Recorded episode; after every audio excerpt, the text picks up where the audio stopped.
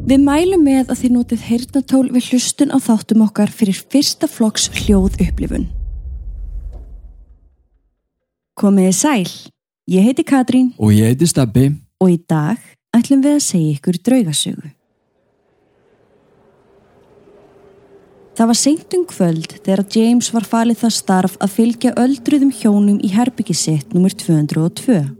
Hjónin sem blessunarlega höfðu ekki hugmyndum hið allrænda orðspor herbyggisins höfðu orðaði við James hversu spennt þau væru fyrir heimsóksinni til Winnipeg. Þau höfðu aldrei komið áður og voru með þjætt skipulag alla dagana sem framundan voru. James hlustaði á meðan hann leitið þau kurtisislega í gegnum völundar húsgangana þanga til þau voru komin að hurðinni sem var mert 202.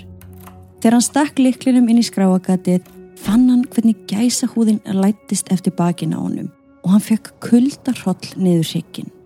Hann reyndi að fela þessi óþægindi staðræðin í því að láta ekki reynd orðspor herbyggisins hafa áhrif á sig fyrir framann gestina. Hjónin stigu inn, andlitin ljómuðu af eftirvæntingu og meðan James beð fyrir utan tilbúin að veita fram aðstóð sína ef þau þyrtu. Nokkrar mínútur höfðu liðið og James var orðin órólegur. Hann hafði ekkert hýrt í þeim síðan þau fóru inn í herbergið. Hann fann fyrir þingslum í brjóstinu á meðan hann stóð á ganginum ókýr. Hann ákvaða banka, lauflétt á hurðina en áður en hann náði því, opnaðist hún og hjónin komi út með uppglönd augu og hann sá skelvingar sveip á andliti konunar. Er allt í lægi?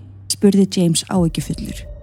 Konan lagði höndina á bringuna eins og hún væri að reyna að ná andanum fyllilega. Það er eitthvað hræðilegt þarna inni, stama hún svo loksins. Það er myndin af konunni á vegnum.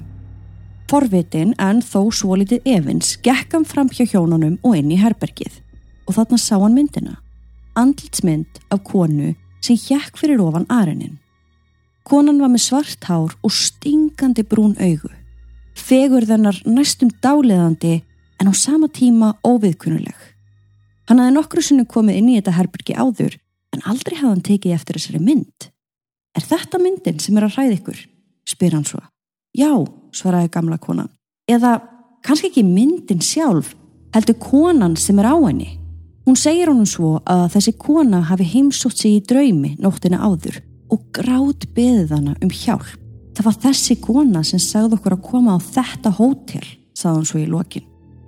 Allt í einu fann James hvernig það snögg kólnaði inn í herberginu og hann fann fyrir gífurlegri innilókunarkjönd en hann varð að halda aðtikli. Svo hann ákvaða að brosa til þeirra og grínast örlítið og meðan hann gekkað myndinni og tók hana niður af vegnum. En þegar hann snýr henni við, þá sá hann að aftan á hana var búið að skrifa eitthvað. Emily, í hjörtum okkar að eilífu, 1923.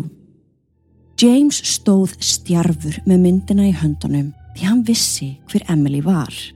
Hann þekkti hörmulegu söguna á bakvið hana.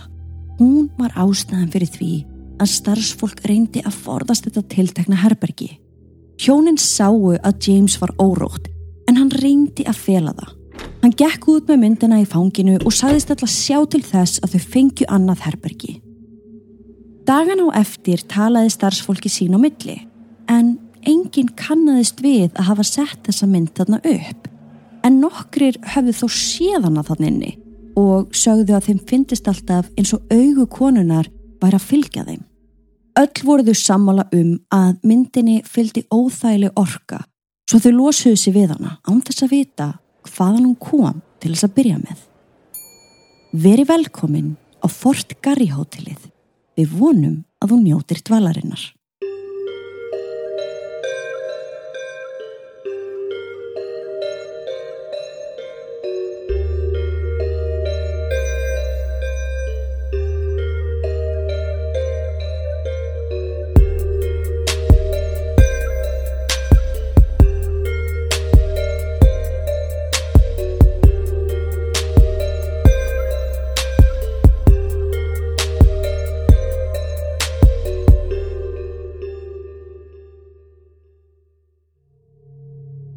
Við viljum minna á að draugasögurnar okkar eru ekki við hæfi barna nema með leifi fullorðina og með því hefjum við sögu dagsins.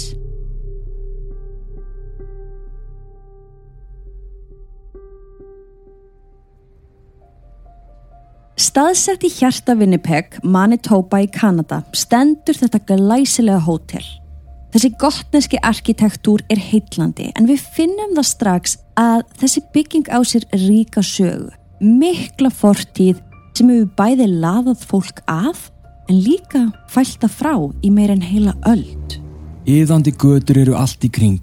Hverfið er fullt af lífi og áinn Assini-bón sem er aðeins nokkrum skrefum frá, klikkjast í gegnum borgina og hinum með við er að finna friðsælan almenningskarð sem er algjör andstæða við þar skjálfilegu sögur sem leynast innan um veggja hótelsins. En þarna stendur það samt, með dulafullri yfirvegun innan um allt þetta líf. Þegar við stígum inn fyrir taka glæsilegar innréttingar á mót okkur og við skinnjum strax luxusin og sjarman. Flókin smáatriði í hönnuninni á bæði lofti og veggjum skapa heimilislegt andrumsloft. En þegar að nóttin skellur á og myrkrið breyðir út arma sína er eins og hótelið breytist í allt annan heim. Kvíslfortíðarinnar heyrist á göngunum. Köld vindkviða kemur á mótiður í liftunni og skrítin hljóð byrja að heyrast. Mér er segjað frá mannlausum herbergjum. Starfsfólk hefur verið snert af ósíðum höndum. Rifið hefur verið í klæðið þeirra og gestir tala um að einhver standi við rúmið þeirra á nótunni. Draugasögurnar eru margar Þær hafa fléttast saman við sögulegar staðreindir og þannig laðaða sér fólk hvaðan af að sem forvitið er um þennan yfirnáttúrulega heim. En þær hafa líka hrætt fólk í burtu um miðjanótt, þar sem það vil heldur ráfa um götur borgarinnar í myrkrinu frekar en eða mínútu lengur með draugunum á hótelinu.